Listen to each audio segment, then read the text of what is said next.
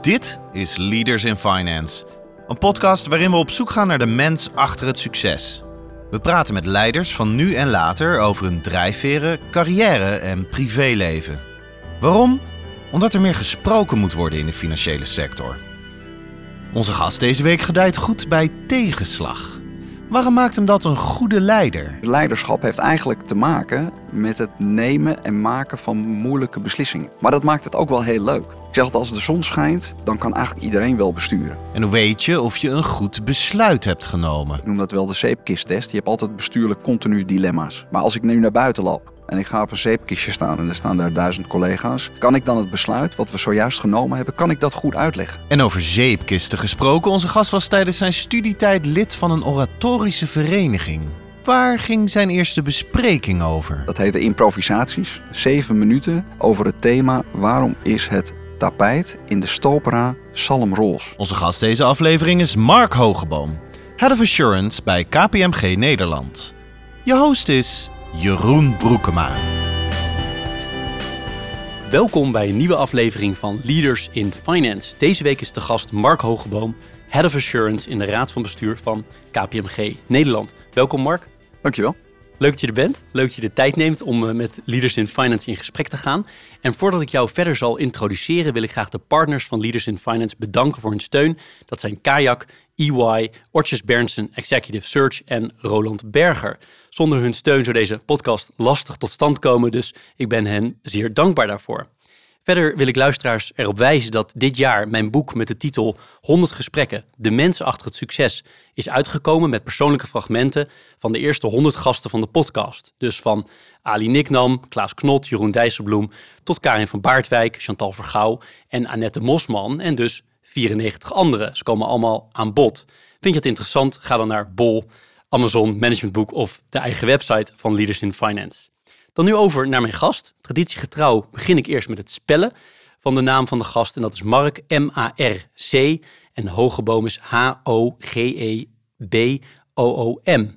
Mark is geboren in 1967, studeerde economie aan de VU in Amsterdam en volgde daar aansluitend een postdoctorale beroepsopleiding voor accountants. Hij is al sinds 1990 actief bij KPMG, waar hij in 2001 partner werd. Als lead partner werkt hij voornamelijk voor financiële instellingen, waaronder bijvoorbeeld ING, ABN AMRO, Optiver en FMO. Van 2012 tot 2016 was hij al lid van de Raad van Bestuur en het werd hij in 2020 weer als Head of Assurance.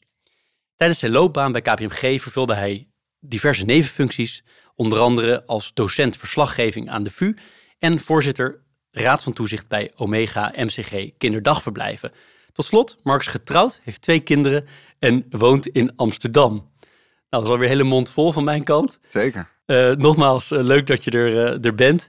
En ik zou het leuk vinden om, om eerst eens even te horen. Je werkt al lang, mag ik toch wel zeggen, of geruime tijd bij KPMG. Was je dat altijd van plan? eerlijk? Nee, volstrekt niet.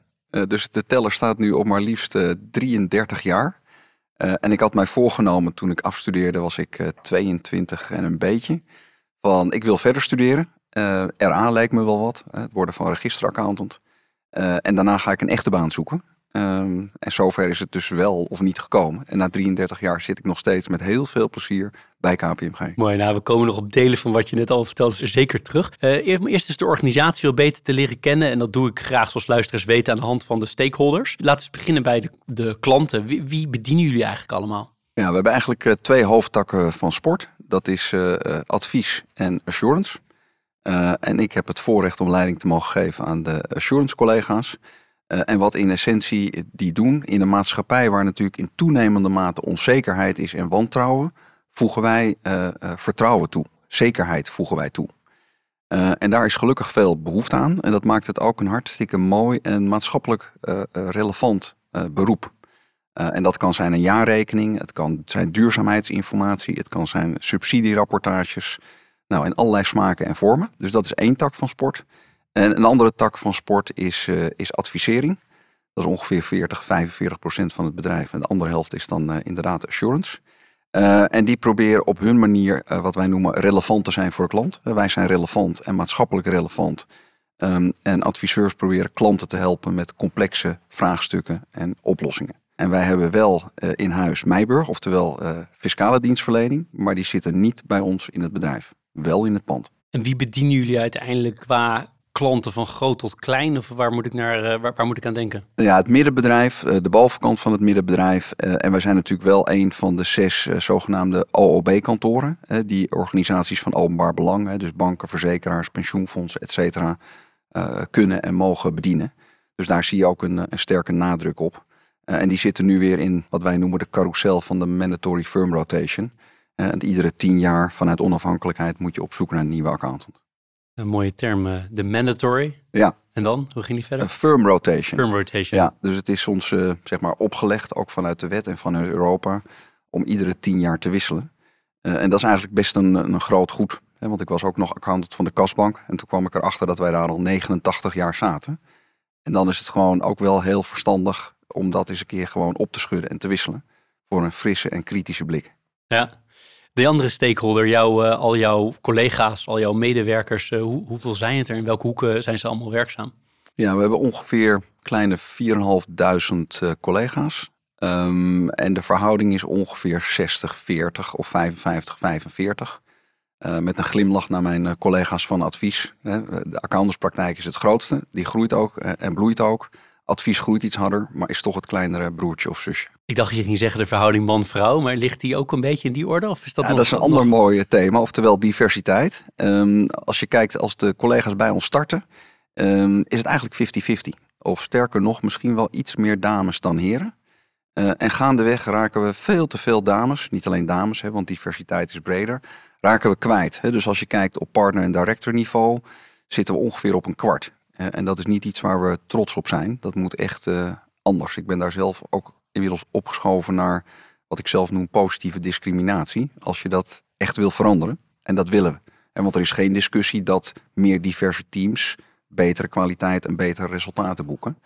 Uh, maar het is niet eenvoudig. Het gaat niet vanzelf. Heb je ook intern onderzocht uh, waarom uh, mensen ja. dan afvallen? Omdat ze ongeveer gelijkwaardig beginnen? Dat hebben we gedaan een tijdje geleden al. Met echt een grootscheeps onderzoek. Ik denk misschien wel 1500 collega's.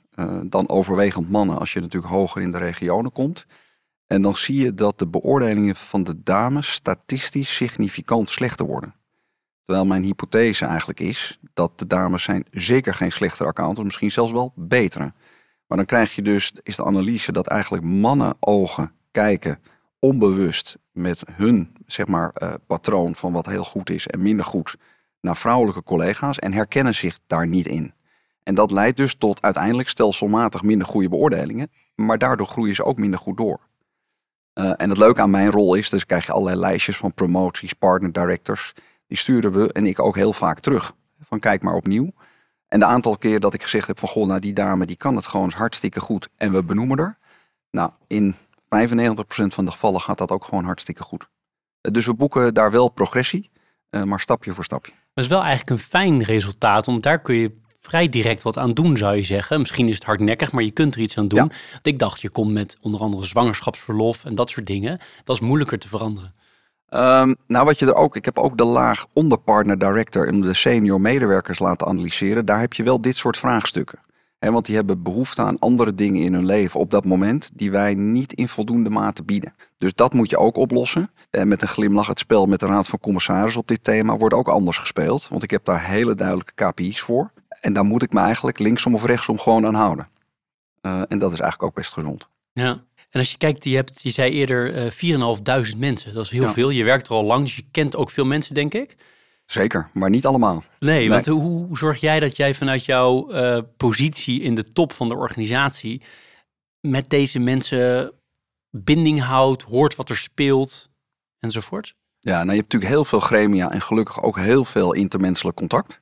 Uh, in allerlei gremia, maar we hebben ook, uh, en daar maak ik dankbaar gebruik van, wat wij noemen de Young Board Now. En die spreek ik tenminste één keer per maand. En we doen ook allerlei gemeenschappelijke activiteiten. We doen zelfs gemeenschappelijke vlogjes uh, en ook events. En dat is ook een stukje oren en ogen. En die ik dan ook echt enthousiasmeert om mij te vertellen hoe het echt zit.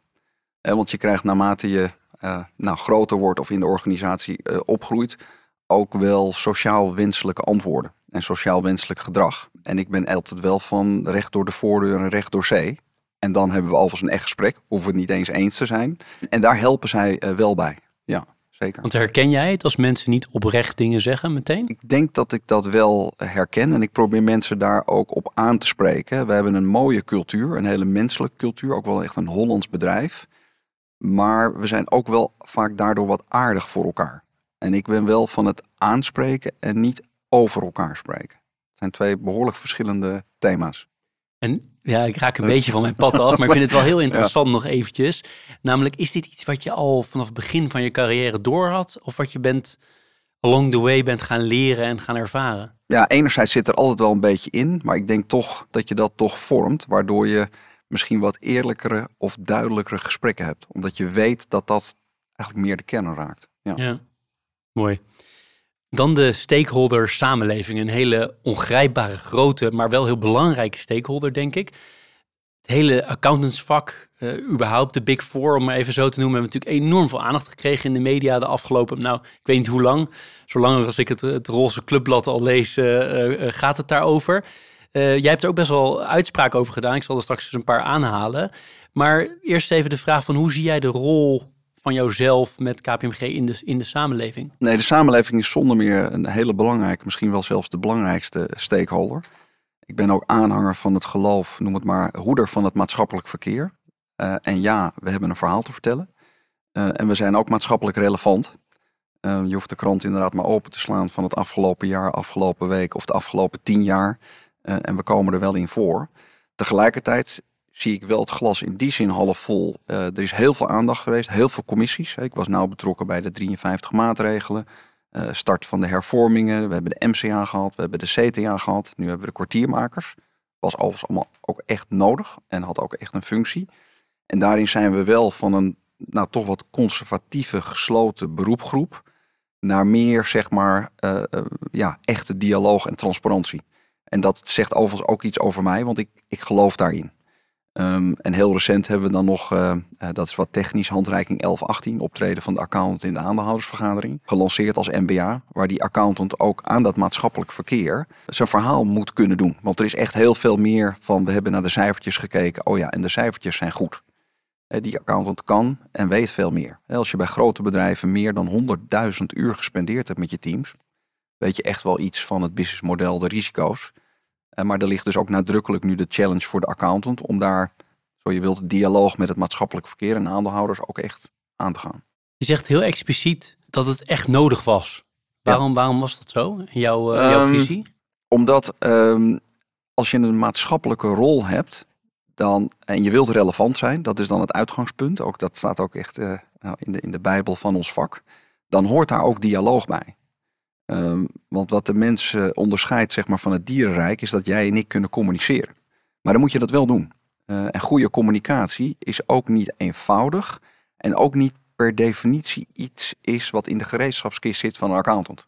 Want die moet al heel lang studeren en heel veel dingen kunnen. En dan moet hij ook nog eens briljant kunnen communiceren op een AVA met uh, duizend nou, boze of leuke aandeelhouders. Um, en heel eerlijk, dat is denk ik wel een, een, een reis geweest waarop we gechallenged zijn. Hè, door de MCA, de CTA, de kwartiermakers. En tegelijkertijd was ik een keer naar Den Haag gegaan, vrij recent, naar de vaste Kamercommissie Financiën. En als ik mevrouw Kaag dan hoor zeggen van, goh, wij zijn gematigd positief over de ontwikkelingen in de accountancy-sector, ja, dan word ik daar wel heel blij van. Ja, dan ben ik ook echt wel een beetje trots. Dat gezegd hebbende, we zijn er nog niet. Dus de reis is niet tot een eind. Maar het is echt een cultuurverandering die daar uh, moest plaatsvinden. Uh, en in de, in, ja. in de voorbereiding uh, las ik ook wat jij zei, hè, wat je net ook zegt, namelijk uh, het gaat steeds over die dialoog aangaan. Ja. is wat jou betreft de belangrijkste opdracht voor, de accountants, voor het accountantsberoep. Mm -hmm. En dan zeg je ook daarnaast, hè, helaas krijgt de communicatie ook in de opleiding nog te, veel, of te weinig aandacht. Want ja. is dat hoe je een cultuurverandering teweeg brengt, met de opleiding beginnen? met de opleiding beginnen, maar ook zeg maar de eigen cultuur aanpakken. Um, en wij hebben natuurlijk als firma een enorme wake-up poll gehad in die crisis. Maar ook zeker in de educatie. Wat overigens wel grappig is, mijn zoon die uh, heeft in Amerika gestudeerd. Uh, en uiteraard heb je bij alles heb je een inhoud en je hebt de vorm. En wij beginnen als accountants al helemaal bij de inhoud. En dan eindigt wellicht nog eens een keer de vorm of helemaal niet. In Amerika beginnen ze andersom. Dus je begint eerst met de vorm. Hoe wil je boodschap brengen? De body language, de layout. Hoe moet. En dan gaan we naar de inhoud kijken. Maar het is wel grappig. En beide is echt, uh, echt woest belangrijk. Ja. ja, en nog even over die cultuurverandering. Wat, wat doe je nog meer om zo'n cultuurverandering door te voeren? Want waarschijnlijk gebeurde het al zolang Ja. als jullie accountant bij de kasbank waren, 80 Ja, plus nee, jaar. kijk, eh, cultuur is, een, is belangrijk, maar het is ook een containerbegrip. Hè? Eh, en dat is het nadrukkelijk niet. Hè? Cultuur is de set van gedragingen die jij en ik, of ik in dit geval dagelijks laat zien met mijn collega's. En vervolgens, de cultuur die je uiteindelijk krijgt, is het eh, laagste gedrag wat je nog accepteert. Want dat zet namelijk de norm. En dan kom ik ook bij het wezen van het accountantsberoep, het meester-gezelmodel en het geven van het goede voorbeeld aan de hand van een, goed afgesteld eh, moreel kompas, zou ik het willen noemen. En, en dat geeft wel de basis om die cultuur eh, te veranderen. En dat gaat niet vanzelf. Hè. Dat moet je echt aanslingeren met intervisiesessies. We hebben in die dagen ook wel sessies gehad van het klopt wel, maar het deugt niet. Hè. Lees, iets kan technisch heel ingewikkeld zijn en goed, maar toch niet deugen. En als het niet deugt, dan hebben we wel een rol te vervullen. Namelijk, dan moet je je vinger opsteken. Eh, ook als er tegenwind is, of als je in een boardroom zit, of als het moeilijk is met directie en commissarissen, dan moet je opstaan. Maar dat is niet altijd eenvoudig. En daar hebben we, denk ik, hard aan gewerkt. Ja. Je hebt dus echt rolmodellen nodig die het goede voorbeeld geven. Maar het betekent ook dat er mensen zijn die er gewoon niet bij passen waarschijnlijk. Eh, ja, en dat was, eh, nu is dat niet meer aan de orde. Gelukkig, eh, vandaag schijnt de zon en gaat het ons hartstikke goed. En dat is ook heel leuk om mee te maken. Maar in mijn vorige bestuursperiode, hè, die periode 12-16, toen kwam ongeveer het dak naar beneden. Toen was er ook heel veel zuur. En toen hebben we en ik ook van nou, best een behoorlijk aantal collega's afscheid genomen. Onder het motto, hè, maar dat klinkt nu makkelijk, never waste a good crisis. Dat wordt ook heel persoonlijk. Hè, want ik was net benoemd in het bestuur. En dan denk je van, goh, ja, wie is dat eigenlijk als het hier moeilijk wordt? Nou, dat ben jij zelf. Ehm, en die grote klanten, die vragen dan niet om de individuele partner. Die zeggen, van, goh, wie is hier de baas? Die wil ik morgenochtend om half negen op mijn kantoor zien. Nou, dat is niet het eerste wat in je opkomt, want je wil het liefst eh, onder de tafel duiken. Maar ik heb wel geleerd, ook daar overigens, dat de dialoog eh, eh, aangaan, hè, met de borst vooruit. En gewoon eerlijk je verhaal doen en, dat uitleggen, dat dat werkt. En dan krijg je er nog een ervaring bij. Dat kan ook overigens leiden tot hele mooie en goede relaties. Dat is jou gebeurd. Dat is mij wel gebeurd, ja. Omdat je mensen in, onder stress spreekt, leer je ze echt kennen. Is dat de ja, gedachte of ja, heb ik dat heb, verkeerd? Ik heb heel veel geleerd in die crisis. Hè, maar één daarvan is eh, als de zon niet schijnt, oftewel als het heel hard regent, dan leer je echte vrienden kennen. Eh, en dat geldt zeker in een crisis. Dus het werkt enerzijds heel louterend, maar de relaties die daardoor toch weer ontstaan, die zijn sterker dan ooit. Omdat je elkaar echt hebt leren kennen. Ja, ik kan me het heel goed Ja, voorstellen. maar wa- was het leuk toen? Dat was eigenlijk niet zo leuk. nee, pijnlijk. Want je hebt niet één zo'n gesprek, niet tien. Ik heb er eh, vele tientallen gevoerd. Overigens ook in het, eh, het staartje samen met Jan Homme. Dat was ook eh, heel bijzonder. Ja. dat snap ik. Nee, want je zegt ook, ik ben van nature een optimistisch mens, las ik in de voorbereiding. Maar dat je vroeg jezelf wel eens af van hoe gaan we in godsnaam deze crisis overleven? Dat is toch wel existentieel bijna. Eh, dat was een existentiële eh, crisis. Eh, daar hebben we gelukkig ook, ook hulp bij gehad. En het was ook een hele moeilijke periode voor het bedrijf. Met een heel hoog verloop. Dat was niet de periode dat mensen allemaal paraplu's en t-shirts en sokken van KPMG wilden dragen. Sterker nog, die lagen diep in de kast of die waren misschien wel weggegeven. Maar daar zijn we toch sterker uitgekomen. Maar wel met hulp inderdaad van een aantal belangrijke klanten. Steun van onze medewerkers. en ook steun natuurlijk van ons netwerk. Want eh, KPMG is eh, ja, zeg maar in accountantsland frontrunner op allerlei ontwikkelingen. Dus de wereld kijkt met argusogen hoe het hier toe gaat. Overigens ook naar ons toezicht. En daarin zijn we eigenlijk eh, ja, leidend in het debat. Maar we hebben daar ook wel echt hulp van, van gehad. Ook in financiële en niet-financiële zin. Zou jij een mini-college willen geven? Je hebt het al korter over gehad, maar misschien nog iets uitgebreider over assurance. Ja. Want wat valt er nou allemaal onder? Eh, zeker voor mij, die uit de, meer de bankiers-fintech-kant komt, eh, ben ik daar helemaal niet zo heel goed van op de hoogte. Ik ben heel erg benieuwd. Kan je daar Ja. eens eh, Zeker. college 1.0 voor geven? ja, even terug naar de basis. Ja, een accountant voegt zeg maar zekerheid toe. En wat ik net zei, in een, eh, maatschappij met natuurlijk toenemend wantrouwen en onzekerheid, is er een toenemende vraag aan zekerheid. En die accountant die heeft een gereedschapskist meegekregen om zowel bij financiële als niet-financiële informatie die zekerheid toe te voegen. En dat ook te tonen aan de buitenwereld en daar ook op, eh, op aanspreekbaar te zijn. Belangrijkste kernproduct is en blijft natuurlijk de financiële verslaggeving. Oftewel de jaarrekening en jaarverslag met toebehoren. Uh, en daar geven wij een controleverklaring bij. En daar voegen wij zekerheid aan toe. In dat OOB-segment, uh, maar ook bij de andere wettelijke controles. Daarnaast is er een toenemende vraag. En nu ook gecodificeerd door middel van de CSRD. Jou vast wel bekend. De hele ESG. Corporate Sustainability Reporting Directive. Reporting Directive. Ja, ja, en de KPI's zeg maar, zijn inmiddels ook bekend. En ook daar is eigenlijk vastgelegd dat dat uh, zekerheid behoeft. Oftewel dat daar assurance moet op worden gegeven. En dat is eigenlijk het, het groot deel van het niet-financiële verslaggeving. Waar wij ook die gereedschapskist hebben om daar uh, waarde of zo je wilt zekerheid aan toe te voegen. Naast natuurlijk nog, uh, noem het maar, uh, subsidieverklaringen, oplagenverklaringen. Er zijn heel veel verschillende smaken, ook in dat niet-financiële bakje. Maar kerncompetentie blijft het controleren van jaarrekening. Hoe ver kan je daarin gaan als het gaat om assurance afgeven? Hè? Je, straks doe je het op allerlei sustainable uh, parameters. Ja. Dan wellicht nog inderdaad op subsidie of ja, gewoon de reguliere controle, ja. dat, is, dat is duidelijk. Maar het lijkt alsof men steeds ook misschien wel gedreven door wat jij al vertelde over een soort van wantrouwen, groeiend wantrouwen in de gehele samenleving, dat er steeds meer vraag naar is. Maar hoe ver kan je gaan? Want ik kan me voorstellen, op een bepaald moment, je kan niet op alles assurance afgeven. Straks wil je een assurance op de integriteit van de bestuurders. En nee, waar maar, ligt de grens? Ja, dat is een goede vraag, maar is ook een moeilijke vraag. Uh, maar als je kijkt naar de kern van het accountantsberoep, dan hebben wij een attestfunctie. Wat, wat betekent een attestfunctie? Als jij een bedrijf leidt of jij doet een, bewering of een uiting of een rapport, dan moet ik dat kunnen verifiëren. In het oude Grieks noemde men het audieren, oftewel heel goed luisteren met stukken erbij. En dat is eigenlijk in die 2000 jaar niet, niet veranderd. Maar jouw uitspraken moeten ook wel heel goed onderbouwd zijn.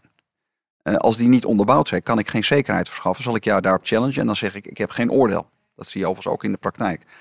Maar nu bijvoorbeeld uitstapje met die verklaring omtrent risicobeheersing. Dat miste ik overigens in de nieuwe wetsvoorstellen. Maar goed geluisterd hebben we naar de minister, hebben we voor kerst of een voor in de Corporate Governance Code. En als dat er niet komt, dan neemt ze het op in de wet. Waarom is dat belangrijk? Dat is weer zo'n uitbreiding. En noem het maar zo'n verklaring in dit geval omtrent risicobeheersing. Daar moet een stelsel van interne controlemaatregelen achter zitten. Waarvan jij zegt van nou dit is het. En hier is de documentatie. En dan kan ik vaststellen of dat hout snijdt. En dan kan ik daar iets van vinden. Als dat er niet is, dan zit ik wel aan de grens. Dan moet ik dat ook aangeven. Dan wordt het lastig. En bijvoorbeeld de IT-audits? Uh, IT-audits, daar hebben we ook zeg maar, um, noemen we ISAE-audits, maar kan je verder vergeten. Daar hebben we ook zeg maar een stelsel voor waarbij je rondom IT en ook bijvoorbeeld voor cybersecurity en continuïteit daar een verklaring om kan afgeven. Overigens, de accountant moet ook altijd de grenzen van zijn deskundigheid bewaken. Want het wordt wel meer een soort huisarts. Hè? Want we hebben inmiddels uh, biologen in dienst, uh, mensenrechten, uh, juristen. Ja, want dat, dat is een beetje waar ik met mijn vraag naartoe wilde. Van, het is ook wel een risico voor jullie zelf. Hè? Want je kunt, aan de ene kant Absoluut. is het heel leuk om additionele vormen van dienstverlening aan te bieden hierdoor. Extra dingen bovenop Eens. de controle. Maar tegelijkertijd, je begeeft je soms ook op terreinen waar je maar net expertise ook voor. Jij hebt 4.500 mensen, maar je weet ook niet alles. Nee, dat klopt. Dus enerzijds is het qua groei en bloei van ons mooie vak een enorme opportunity. Maar in die zin deel ik je soort van veronderstelde hypothese. Het nieuwe, zo je wilt, schandaal. Hè, of de nieuwe Enron of Steinhoff of hoe je het noemen wil. Komt ook uit deze sector is mijn stelling. Of lees greenwashing. Dus we kijken ook heel scherp van oké, die klanten hebben nu allemaal verplichtingen gekregen. Uh, sommige dingen zijn overzichtelijk, andere zijn heel complex. Biodiversiteit, ik weet er echt weinig van. Daar moet ik dus experts voor hebben. Nou, en zo gaan we dat uh, inregelen. Dit is Leaders in Finance met Jeroen Broekema. Je neemt zitting in de raad van bestuur van de organisatie. Dat betekent dat heel veel bij jou gaat, gok ik, correct me if I'm wrong, over leiderschap, over leiding geven, sturen. Uh, hoe typeer jij jezelf als leider? Ja, dat is een mooie vraag. Leaders in Finance. Ja. Eigenlijk zeggen mensen altijd, moet je een andere vragen, maar ik vraag het toch even aan jou. Ja, nee, ik ben uh, geen op de winkelpasser dat gesprek heb ik ook met de Raad van Commissarissen gevoerd. ik wil uh, intrinsiek veranderen en verbeteren. En daarom vind ik toch die dynamiek die je terecht schetste van de afgelopen tien jaar ook wel echt heel mooi. Ik gedij daarin. Ik gedij bij tegenwind. Onder het motto voor alles is een oplossing. Intern zeg ik ook wel eens yes we will and we can. je gedijt bij tegenwind. Dus eigenlijk ja. dan ga je, dat is gewoon ja. vruchtbare aarde Dat is voor mij is dat vruchtbare bodem. Ik Hoe kan verklaar je dat? Ja, dat is een, een goede vraag. Want dat maakt je bijzonder, want de meeste mensen hebben dat niet. Nee, maar het is, het is denk ik in de loop der jaren ook zo gegroeid. Omdat je ontdekt dat je in die moeilijke situaties, denk ik dat ik toch ook een aantal zeg maar, oplossingen kan brengen. Die er misschien anders niet waren gekomen. Ik zeg altijd, als de zon schijnt, dan, dan kan eigenlijk iedereen wel besturen. dus leiderschap heeft eigenlijk te maken met het nemen en maken van moeilijke beslissingen. tussen een hard rock en een stone. Maar dat maakt het ook wel heel leuk. En dan, ja, in die crisis word je daar natuurlijk door gevormd. Dan heb je echt mega vraagstukken. Want wij waren ook recidivist bij het Openbaar Ministerie. Nou, dat is allemaal heel pittig. Nu heb je die dilemma's ook nog. Maar ik heb daar natuurlijk, zoals Jan Hommers zei, een enorme steile leercurve gegaan. Gewild of ongewild, want ik zat toen ook in het bestuur, tien jaar geleden. En, en stiekem ben ik dat ook gewoon misschien wel hartstikke leuk gaan vinden. Ja, dus ik ben ook competitief. Ik ben een teamspeler, puur zang. dus ik, ik, ik kan ervan genieten als we als team excelleren. En wat ook gewoon leuk is, uh, ik word steeds ouder. Ik ben nu uh, 56. Uh, de gemiddelde leeftijd bij ons blijft altijd 28,5. Wat je ook doet. wat ik ook doe. Maar dat heeft wel een enorme, ja, is gewoon een inspirerende omgeving. Um, dus nou, dat geeft je een beetje. Ja, nee, heel mooi antwoord. En ook getuigt ook van, van, lijkt mij, van veel zelfkennis. Ben je dan ook stressbestendig? Want dat moet haast dan wel. Is dat karakter? Ja, ik denk dat dat karakter is. Uh, veel mensen hebben zich wel afgevraagd van, goh, waarom zit jij niet in de tiende burn-out? Maar dat is denk ik ook de aard van het beestje. Ik heb denk ik ontzettend veel energie, maar dat is gewoon wie ik ben. Um, en wat ik ook heel leuk vind, is om die energie en drive, ook voor verandering en voornamelijk verbetering, op andere mensen over te brengen. Um, ja, en waar vind ik dan mijn ontspanning? Ik kan wel, denk ik, de, ik zeg wel eens tegen mijn vrouw, lieve, van op het moment dat ik slapeloze nachten krijg, dan stop ik ermee. Maar die heb ik eigenlijk gewoon hoegenaamd nooit. Dus ik kan de knop, denk ik, goed, goed omzetten. Um, en als tegenhanger, ik ben gewoon hartstikke graag lekker buiten, lekker sporten, in de bergen. Eh, klimmen. Ik ben met mijn dochter nog naar Mount Everest Base Camp geweest vorig jaar. En Lobuche East beklommen, voor zover je dat iets zegt. Dat is een 6.500er. Nou, dat is uh, op mijn leeftijd was dat wel uh, een bevalling. zeer indrukwekkend klinkt het. maar vooral een hele mooie beleving. Het is de ultieme confrontatie van jezelf met de elementen, met je hartslag. Met, nou, echt fantastisch. Ja. Nou, ik kom later in het gesprek nog uh, wel even terug op wat je allemaal doet naast je werk om inderdaad privé werk te, te managen en te ontspannen. Maar eerst nog even terug naar, naar, jij, naar jouzelf. Wil je iets delen over hoe je bent opgegroeid? ja, zeker. geboren en getogen in het mooie Amsterdam. Dus ik ben ook echt een echte Amsterdammer. ik woon daar ook nog steeds. Twee kinderen, Thomas en Louise. Ehm, Louise wordt de vierde generatie dokter. Kom ik zo nog even op terug. Thomas heeft in Amerika gestudeerd. Uh, en werkt nu bij een investmentbank in Londen. En mijn vrouw, ik ben eigenlijk getrouwd met mijn jeugdliefde. Uh, we waren 18 uh, op het Vossius Gymnasium. Hebben elkaar leren kennen tijdens de Rome-reis. en dat is eigenlijk gebleven. En nu zijn we nou, vele decennia zeg maar verder. En zij is alvast ook veel slimmer dan ik en beter opgeleid. Want zij is kinderoncoloog en gepromoveerd. en heeft inmiddels 12 AIO's. En weet alles van neuroblastomen en biomarkers. Nou, dat is echt een hele andere tak van sport. Maar het helpt mij wel om het leven te relativeren. Nog even terug naar je vorige vraag. De vraagstukken waar zij mee geconfronteerd wordt. Nou, dan moet ik eigenlijk altijd weer glimlachen over mijn eigen problemen. Eh, ontevreden partners. Ja, dat is toch allemaal maar relatief. Dat is anders dan kanker. Ja, dat is een andere dimensie. Ja, ja. En als we nog verder teruggaan naar, naar jouw jeugd? Ja, dus geboren en getogen. Was wel een momentje toen ik vijf of zes jaar oud was. Toen zijn mijn ouders gescheiden. En dat is best wel een eenzaam moment. En nu kan ik zeggen dat dat ook wel karaktervormend is geweest. bij mij heeft dat wel zoiets gebracht van, ja, ik moet het echt zelf doen. Ik moet het zelf oplossen. Uh, gecombineerd met een heel uh, ja, groot verantwoordelijkheidsbesef. En terugkomend op een van je eerdere vragen, dat is ook wel een soort rode lijn of rode draad. En daarnaast al ging die scheiding verder prima. dus dan heb je twee huishoudens en allemaal ja, eigenlijk een warm, warme omgeving, warm gezin. Want waarom leidt het tot een groot verantwoordelijkheidsbesef? Omdat je het gevoel hebt dat je er alleen voor staat. Um, en het dus ook vooral zelf moet doen en oplossen. Dat er niemand anders is die dat voor jou gaat doen. Terecht of onterecht, hè, maar dat is het gevoel wat je op dat moment hebt. Ja, en dat definieert wel iets in je DNA. Hè, wat ik ook wel terugzie in mijn huidige drijfveren. Hè, van yes, we can, we gaan dit oplossen. En dan uiteraard samen, niet ik alleen. Je ging naar het gymnasium, zei je? Ja. Was al snel duidelijk dat je goed kon leren?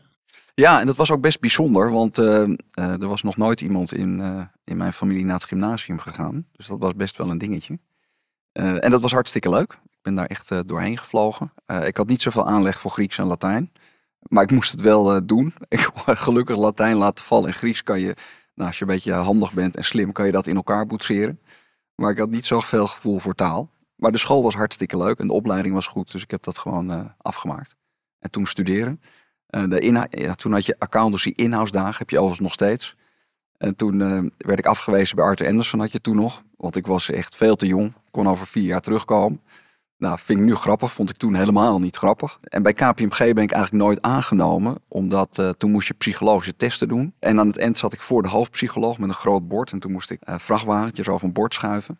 En na een minuut of zes dacht ik, uh, en dat vroeg ik ook aan die vrouw. Goh, mevrouw, wat doen wij hier vandaag? Nou, toen kwam het antwoord. Ze zei van, nou, ik ben hier de baas, de hoofdpsycholoog. En ik vorm een oordeel over uw geschiktheid voor het werken bij KPMG.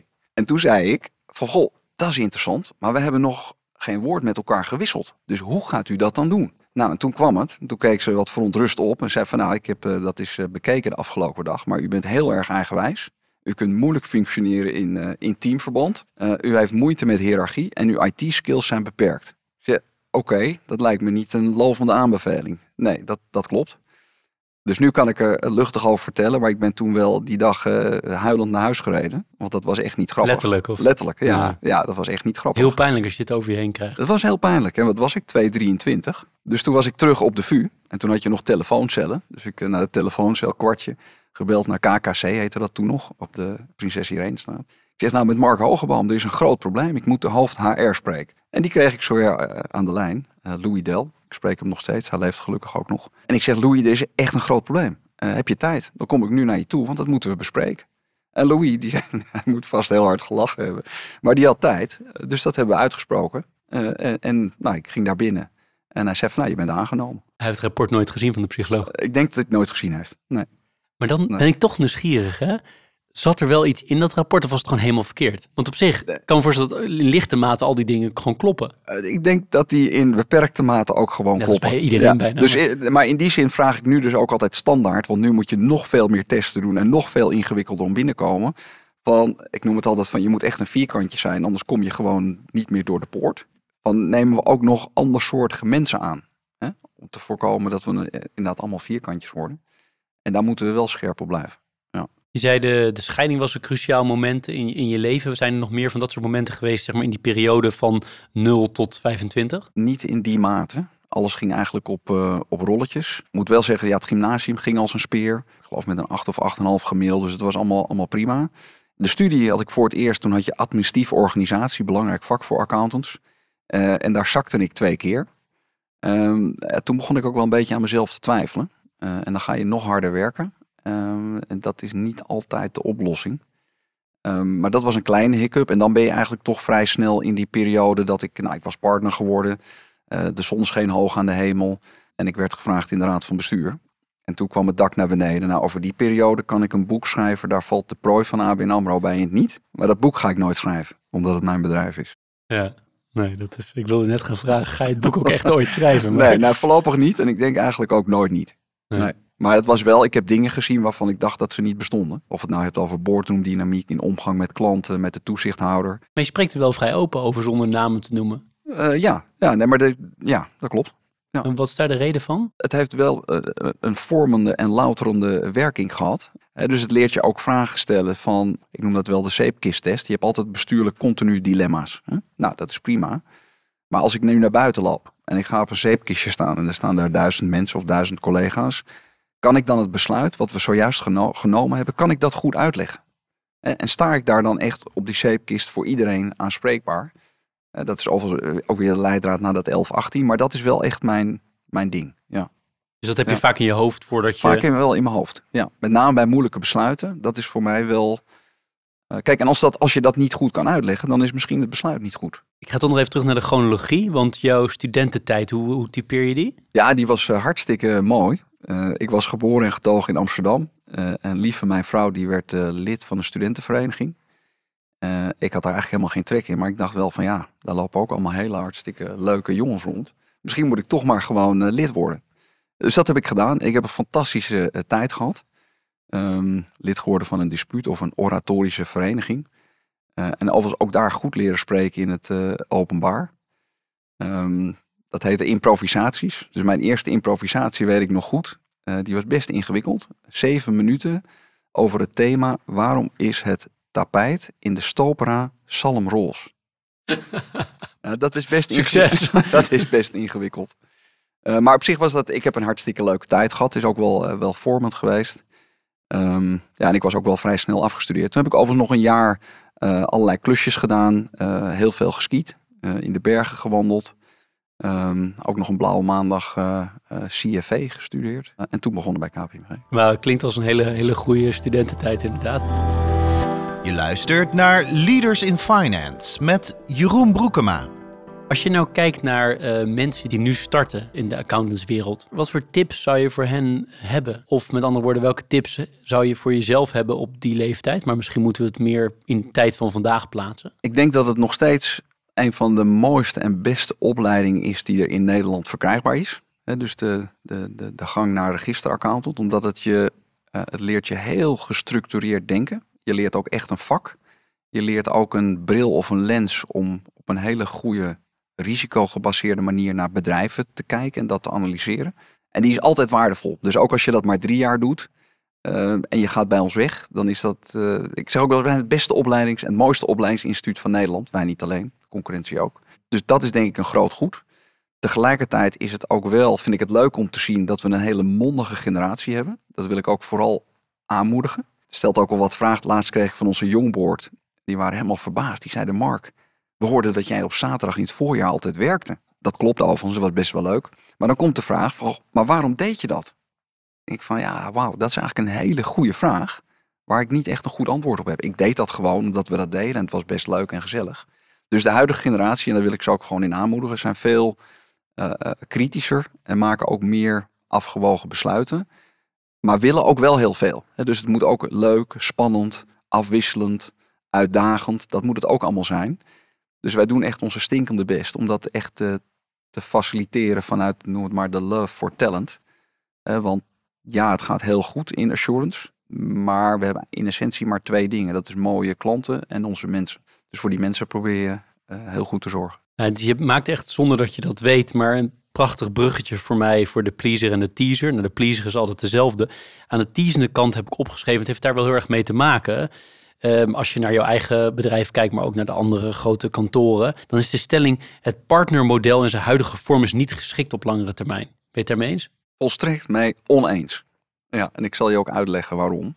Het partnermodel gaat eigenlijk al terug naar de middeleeuwen, zeg maar het uh, meestergezelmodel, wat je zag bij, uh, bij Smits en bij leerlawyers. En dat is eigenlijk hoe je een uh, goed vak leert. En bij ons gaat het dan om auditkwaliteit. En ook als je alle literatuur zou bekijken rondom de correlatie van het partnermodel met auditkwaliteit, vind je daar geen negatieve correlatie. Als die er al is, vind je een licht positieve. Tegelijkertijd, heel recent, hebben we natuurlijk uh, corona gehad. Dat was best een hele moeilijke tijd. Ik weet nog goed, in de eerste paar weken viel onze omzet 30, 40 procent terug. Dat is echt een ding. Ja, nu kan je zeggen, het is allemaal goed gekomen. Dat weet je op dat moment, uh, weet je dat niet. Ja, dan bewijst zo'n partnermodel. Hè, want ja, KPMG is een groot bedrijf. Maar in Nederland zijn het ook maar zijn het 150 uh, aandeelhouders. En het is hun bedrijf. En we ondernemen dan met elkaar. En toen heeft het zich ook wel echt uh, bewezen. Ook weer, want daar bewijst het zich niet als de zon schijnt, maar wel als er forse tegenwind is. En dat was dit. Ja, en dan zie je toch schouder aan schouder dat we daar dan samen weer uitkomen. En dat iedereen daar dan ja, vol voor gaat. Hè, zonder mensen te ontslaan, het bedrijf te borgen, uh, de financiering in stand te houden.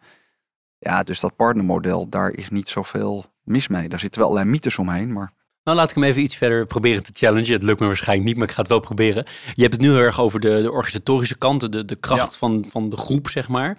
Um, en je hebt het over de kwaliteit die het oplevert, ja. die twee dingen. Ja, maar als je dat, dat derde element, er zijn cruciale ja. dingen, uh, daar ga ik zeker niks, uh, niks op afdingen.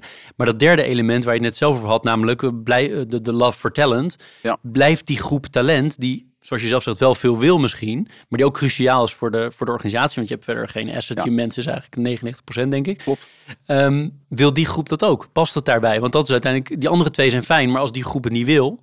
Ja. Ik weet ik niet hoor. Nee, maar dat is uh, voor de challenge. Nee, gelukkig zie je nog steeds een hele grote groep... die ook partner wil worden. Directeur, partner of welke smaken we dan ook hebben. Dus dat is een groot goed. Eerlijkheid gebied wel te zeggen dat we inderdaad ook een groep hebben... die daar en dat is anders in ieder geval dan in mijn tijd, die daar inderdaad anders naar kijkt. Die zegt van, goh, ik wil hier een, een, een mooie uh, leerervaring hebben. Ik wil mij hier ontwikkelen. Alles hartstikke goed hè, en fair. En dat faciliteren we ook graag. Eh, en die zeggen ook wel eens, Mark, als ik naar jou kijk, ik word al moe bij het idee. Daar ga ik gewoon allemaal niet aan beginnen. En dan abstraheer ik nog even van tuchtklachten, litigation, claims. Hè, want daar heb ik ook mijn portie van meegekregen. En alles met veel respect. Dat is ook een prima afweging. Terugkomend op je vraag. Ja, die groep die is er. en die, nou, die faciliteren en die koesteren we uiteraard net zo hard als die andere groep. Gelukkig is er ook echt nog een hele grote groep. En meer dan voldoende die willen doorgroeien. Dat is niet de groep die je zoekt, die andere groep. Die past dan ook niet bij jullie waarschijnlijk. Uh, nou, dat toch wel. Want um, we hebben een model, ik noem het maar grow or go. Hè? En daarom zeg maar, ik, ik had steeds in die 33 jaar een nieuwe uitdaging. En als er een nieuwe uitdaging is met, met inderdaad complexe vraagstukken, dan is er ook geen reden om weg te gaan. En het mooie in ons bedrijf is, maar dat geldt ook voor de conculega's, je hoeft niet te wachten tot je chef een keer weggaat. een van mijn stellingen is ook weer ervaren dat dat echt zo werkt. Voor talent is altijd ruimte. Dus ik heb geleerd in de loop der jaren, ik neem liever afscheid met alle respect van een aantal oudere collega's, omdat ik weet voor een gezond bedrijf en om relevant te zijn voor alle stakeholders, dat ik die jonge mensen een kans moet geven. En dat hebben we ook meermaals gedaan. En dat werkt, uh, nou, ik vind dat een mooi model. Ik ben er zelf ook in grootgebracht. Ja, mooi, hoe je het, uh, mooi hoe je het uitlegt. En nog één verdiep, verdiepende vraag, uh, omdat ik daar nieuwsgierig naar ben. Dat meestergezelmodel vind ik een mooie vergelijking. Hè, zoals dat met die gildes ging in de middeleeuwen. Exact. Werkt dat alleen ook met, een, met die financiële component van het partnerschap? Of kan het ook zonder die financiële component? Met andere, kan het ook zonder equity? Kan het ook zonder inkopen en dat soort dingen? Dat is een interessante gedachte. Um, misschien wel. Want inderdaad, de huidige partner, en dat is ook jouw vraag, heeft meerdere petten op. Hij is natuurlijk aandeelhouder, hij is financier, hij is directeur en meewerkend voorman. Kijk, voor het goed uitoefenen van het beroep en de kwaliteit en, en mooi teamwerk is die meeste gezelgedachte fundamenteel. En misschien dat het ook wel zonder zeg maar, die financier en aandeelhouders... ik weet niet of je financiële skin in game is natuurlijk aan de ene kant heel mooi. Aan de andere kant zijn er ook natuurlijk legio onderzoeken die stellen dat boven een bepaald inkomen... nou dat zijn de meeste mensen die werken in deze sector...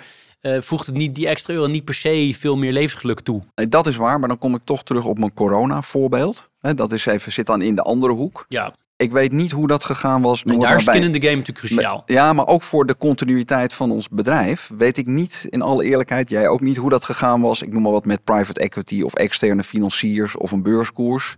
Ik heb daar mijn twijfels bij. Ik weet niet of dat dan goed was gekomen. Nee. Aan de pleasende kant, altijd dezelfde. Uh, maar wel een van mijn favorieten. Namelijk, heb jij, lees je graag en heb je een bepaald boek uh, wat je vroeger gelezen hebt of wat je nu aan het lezen bent of anderszins wat je erg aanspreekt of wat je gevormd heeft of wat je graag cadeau geeft? Ja, ik lees graag, maar de eerlijkheid gebied te zeggen dat het ook heel veel werkgerelateerde stukken zijn. en het is ongeveer 400 tot 800 pagina's per week, denk ik. Eh, in alle handen gremia waar ik dan in mag zitten nogmaals, dan ben ik liever buiten of in de berg of iets anders dan, dan boeken lezen. Maar ik heb één werk wat ik uh, in meerdere uitvoeringen heb. En dat is uh, van Sun Tzu, The Art of War. Um, voor diegenen die het niet kennen, het heeft overigens echt helemaal niks met oorlog te maken. Maar het heeft wel te maken met conflicthantering. Um, en daar zitten wel heel veel beschrijvingen in, die natuurlijk 2000 jaar teruggaan. Sun Tzu was een, een generaal destijds. Um, eh, hoe, hoe je daar dan mee om moet gaan. Eh, er zitten een aantal hele simpele tussen, ook wat meer complexe. Het is overigens niet iets wat je heel luchtig wegleest. Heb je een eh. voorbeeld uit het boek waar ja, je zo zeg maar, Geen licht, licht tussen de legioenen. Dat is een hele, een hele simpele. Maar als er, toelichten? Ja, als er zeg maar als er een belangrijk dilemma is, dan moet iedereen daar wel achter het besluit staan. als op het moment dat dat in een partnerstructuur, maar ook in een bedrijf niet gebeurt, dan doet dat enorm afbreuk zeg maar, aan de leiding en aan het oordeel. Want dan gaan mensen ja, daar hun eigen versies van vertellen. En ben je ook kwetsbaar voor de tegenstander als er licht tussen of ruimte tussen de legioenen zit. Dus binnen de legioenen wel discussie, maar als er eenmaal een standpunt is, dan rally around the flag. Exact, ja. En dat is, dat is wel een hele fundamentele. Um, en die is niet altijd makkelijk. Maar als je dat goed voor elkaar krijgt, zeg ik altijd, dan kunnen we bijna alles. Helder. En los van die enorme hoeveelheden pagina's die je leest voor je werk, Blijft er nog tijd even nog meer te lezen? Of is dat... Heel eerlijk, weinig. Je doet het wel graag? Weinig. Ik doe het wel graag. Maar nogmaals, als je zoveel pagina's per week leest, dan is de, de, de vrije tijd die ik heb, die is me wel kostbaar. Uh, dan ga ik liever gewoon naar buiten. Dan ga ik wandelen of in de berg iets doen. Of ik kom graag in de Ardennen daar wandelen. Iets, iets actiefs en buiten. Want ik zit al heel veel binnen en ik lees ook heel veel stukken. Ja, want wat zou je dan uh, geweest zijn in een hele andere tijd nog voordat de dienstverlenende sector opkwam? Denk je? Wat voor soort beroepen? Want je, bent, je klinkt als een aantal keer refereer je eraan wel iemand die het ook lekker vindt om fysiek bezig te zijn in de natuur of anderszins. Ja, dan zou ik wel iets, iets ondernemends toch doen. Of iets van projecten. Ik heb wel een passie voor bergen, maar bergbeklimmer is geen beroep. Dus iets in die sfeer. Duidelijk. Ik ben nog benieuwd naar een ander onderwerp. Uh, dat is ook een aantal keer teruggekomen, maar wordt mij vaak gevraagd om wat zijn nou een beetje de rode draden van al die CEO's en de raad van bestuursleden, uh, zoals jij zelf. Welke rode draden zijn? Dat valt me altijd op. Een van de eerste die ik noem is er zeker aan het begin van de carrière, vaak nu ook nog, maar zeker aan het begin van die carrière, heel hard gewerkt qua uren. Gewoon heel veel uren gemaakt. Jij ook volgens mij, met je, je vertelde het over zaterdagen werken. Nou, dat klinkt als, uh, dat betekent waarschijnlijk niet dat je maandag tot met vrijdag niet had gewerkt. Klopt dus ook. is dat inderdaad zo cruciaal? Dat is een goede vraag. Ja, ik beleef het zelf niet als hard werken. Uh, omdat ik altijd iets heb mogen doen wat ik gewoon waanzinnig leuk vond. En vind. Um, en dat maakt het begrip hard werken toch een ander begrip ja, wordt er veel gewerkt. Maar als je echt iets mag doen wat je intrinsiek leuk vindt, dan beleef je dat niet als, uh, als hard werk. Daarmee is het niet altijd leuk, maar, maar eigenlijk misschien toch ook wel wel. Ik kan me voorstellen, als je iets heel leuk vindt en uh, je bent er ook goed in en je krijgt de praise ervoor, dat het ook wel moeilijk wordt om niet nou, daarmee bezig te zijn. Ja, de, wat, wat, wat een andere is, is de kunst van het nee zeggen. want we hebben een, een, ook wel een opportunistische beroep en organisatie. Dus dat is ook wel heel belangrijk. En daar ben ik, ik zeg wel eens uh, gekscherend, ik heb een aantal beperkingen, maar geen gebrek aan duidelijkheid. En daar zit nee zeggen uh, ook bij. En dat is me dus in de carrière, noemen dat uit een soort zelfbescherming. Ook wel een aantal keren nee gezegd tegen dingen. En dat is overigens iets wat ik ook de, de jongere generatie wil aanbevelen. Dat me toch opvalt, zeg maar, dat we relatief veel rondom werkdruk, maar ook uh, jongere collega's met burn-out hebben. Dat ik denk van god, dat, dat willen we helemaal niet. En een deel van de oplossing zit misschien toch in het, het stellen van je eigen grens. En dan zeg ik altijd nee, kan ook een heel goed antwoord zijn. Ja, en het stellen van grenzen door die manager. Uh, beide. Moet van beide het is aan beide komen, kanten. Nee, het is aan beide kanten. Kant, ja. ja. dus we hebben werkdruk is een heel actueel thema. Uh, dan heb je echte werkdruk en gepercipieerde werkdruk. Ik heb zelfs een dashboardje dat als mensen meer dan 44 uur gepland staan of werken, dan gaat er een lampje branden. Uh, en dan moeten er ook allerlei acties in werking. Dus, dus dat is denk ik wel te overzien en beter ingeregeld dan ook. Maar dan heb je ook nog gepercipieerde werkdruk, die overigens ook realiteit is. En dan kom je toch veel meer dat je, we geleerd hebben dat mensen willen meer regie over hun werk en werkomgeving. En dan kom je bijvoorbeeld bij project management en daily stand-ups. Overigens bedenk ik me nu, dat is ook weer communicatie. Hè? Maar om met elkaar gewoon even te gaan staan. Wat houdt je bezig? Wat wil je vanavond doen? Heb je een verjaardag? Wil je squashen? Maar om dat bespreekbaar te maken, werkt dat in teams eigenlijk veel beter. Ja. En als je je werk zo leuk vindt, hè, want dat herken ik enorm in mijn eigen werk, is het best moeilijk om te stoppen. Jij dat ook? Te stoppen in een aantal uren of ja, gewoon te stoppen zeker met het begin werken? van je carrière, maar nu nog steeds. Je had succes, je komt de volgende functie. Je, je stopte er veel uren in, maar dat it did pay off, Ja. om het even goed Nederlands te zeggen. Ja. Dat is best, en het, je vindt het ook nog hartstikke leuk. Klopt. Dan is het best lastig om te zeggen, nu stop ik even met werken en ik ga andere dingen doen. Nou, Of dat is gaat me zo? dus toch vrij eh, goed af. Want ik kan dus best hele moeilijke gesprekken hebben. Of die echt niet kinderachtig zijn. En dan vrij snel de knop omzetten. eh, en iets gaan doen eh, met mijn vrouw, met mijn kinderen. eh, buiten iets. Dus die balans is altijd goed geweest? Ja, ik heb ook zelfs nog een tijdje vaderschapsverlof gehad. Toen de kinderen klein waren. Dat was best wel... Dat was in die tijd niet zo standaard, denk ik. nee, sterker nog, dat was vrij uniek. Eh, maar dat, ja, wat dat betreft was ik daar wel ja, helder in. Of, een stukje lef of moed, of hoe je het noemen wil. Ik vond dat op dat moment passend. Dus ik heb volgens mij een jaar of anderhalf jaar toen vier dagen gewerkt. Werkte ik ook echt wel vier dagen. Dus toen was je een jaar of... Ja, wat was In ik de toen? 30 of zo? Ja, in de 30. Ja. Begin 30, 35. Ja. Jij bent, Ja. je behoort tot het selecte gezelschap van deze groep die ik geïnterviewd heb, die niet zoveel spijt heeft over werk-privébalans. Want dat heeft het grootste deel wel namelijk. Geen spijt, met één nuance. Dat mijn vrouw heeft daar natuurlijk wel een hartstikke belangrijke rol in gespeeld. En ja, ik was er echt wel. Maar mijn vrouw was wel zeg maar de, de, de boei van het gezin. Eh, en zij zegt dan altijd als ze mij wil plagen van ja Mark, even voor de goede orde. Zonder jou was ik al 15 jaar professor. Zo. Zou ik even eh, een puntje van feedback. ja, dat is eh feed forward, maar wel ook best wel heel duidelijk. forward. En er zit ook zeker een kern van waarheid in. Ja. Richting de afronding werkende toekomst. Ehm, maak jij het, jouw, jouw loopbaan bij KPMG eh, vol? Heb je nog bepaalde stippen op de horizon waarvan je zegt dat zou ik nog heel leuk vinden om zakelijk te doen? Of misschien privé mag ook. Nee, ik zit eh, op dit moment op een hartstikke mooie en bevoorrechte plek. Moet je ook eerlijk zeggen, er zijn me meer banen aangeboden in het afgelopen acht maanden dan, dan ooit. Maar waarom nu zoveel dan? Uh, ja, dat is een goede vraag. Ik, ik weet niet waarom. Je hebt niet je LinkedIn per ongeluk aangepast nee, nee, als nee, werkzoekende. Nee, en, en ook geen vacature. En ik schrijf ook geen brieven. Um, maar dan word je gewoon opgebeld of je daar of daar interesse in hebt. Maar ja, zeg nooit nooit. Um, maar heel eerlijk, nu na 30 plus jaar KPMG uh, en indachtig dat er in deze bestuursperiode voor mij en voor ons heel veel zoet is met alle uitdagingen. En de vorige keer was er echt heel veel zuur. Is de kans dat ik dat hier ga afmaken, die neemt wel exponentieel toe. Wat zou je nog leuk vinden om te doen verder daarna? Nou, stilzitten kan ik niet. Daar hebben we het niet over gehad, maar ik uh, stilzitten, daar word ik onrustig van. Uh, dus dan, dan iets anders. En dat kan zijn commissariaten. Uh, die komen nu ook voorbij, maar dat verhoudt zich helemaal niet met mijn rol.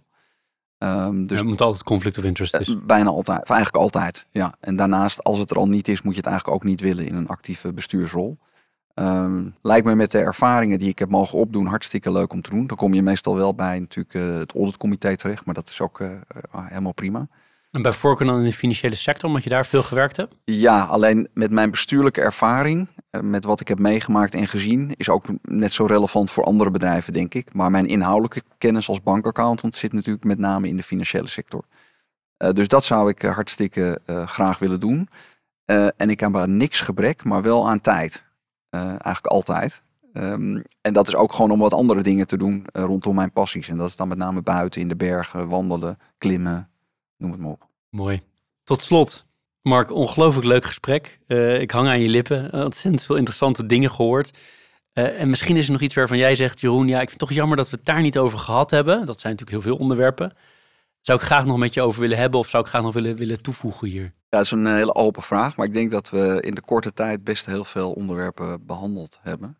Nee. Dan rest mij jou heel hartelijk te bedanken voor je tijd. Voor het feit dat je hier naar, naar, naar Driebergen bent gekomen. Voor je interessante verhaal.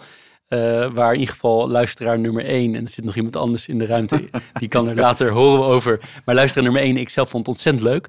Uh, veel dank dat je dat, uh, dat deed. En ik vind het ook mooi om te zien dat die, die communicatiekant dat dat zo belangrijk is voor jouw sector. Als subsector van de financiële sector. Ik snap ook helemaal waarom jij die hebt kunnen brengen. Dat is evident. Ook die zeven minuten die je destijds moest, uh, moest houden. dat dat heeft geholpen. Je bent een ongelooflijk goede communicator op basis van deze, deze kennismaking. En wat ik ook heel leuk vind is dat jij, waar deze podcast voor begonnen is, namelijk je kwetsbaar durven opstellen dat je dat ook echt doet tot een, een, natuurlijk een normale mate. Maar dat, dat vind ik heel leuk om te zien. Want dat is zeker in de financiële sector breed zeker niet het geval. Vandaar ook deze podcast. Maar ik weet vrij zeker al helemaal niet in jouw sector. Zeker niet tien jaar geleden. Ik wijs er nu naar. Ik heb een klein cadeautje voor je. Uh, en nogmaals, dank voor je tijd. Graag gedaan en leuk om hier te zijn. Dankjewel. Dit was Leaders in Finance. We hopen dat je deze aflevering met veel plezier hebt beluisterd. We stellen je feedback erg op prijs. Wat houdt je bezig en over wie wil je meer horen? Laat het weten in een Apple of Google review. Dat kan ook via de sociale mediakanalen of direct via een e-mail. We kunnen het enorm waarderen als je dat doet. Tot slot danken we onze partners voor hun steun. Dat zijn Kayak, EY, Otjes Berndsen Executive Search en Roland Berger. Bedankt voor het luisteren.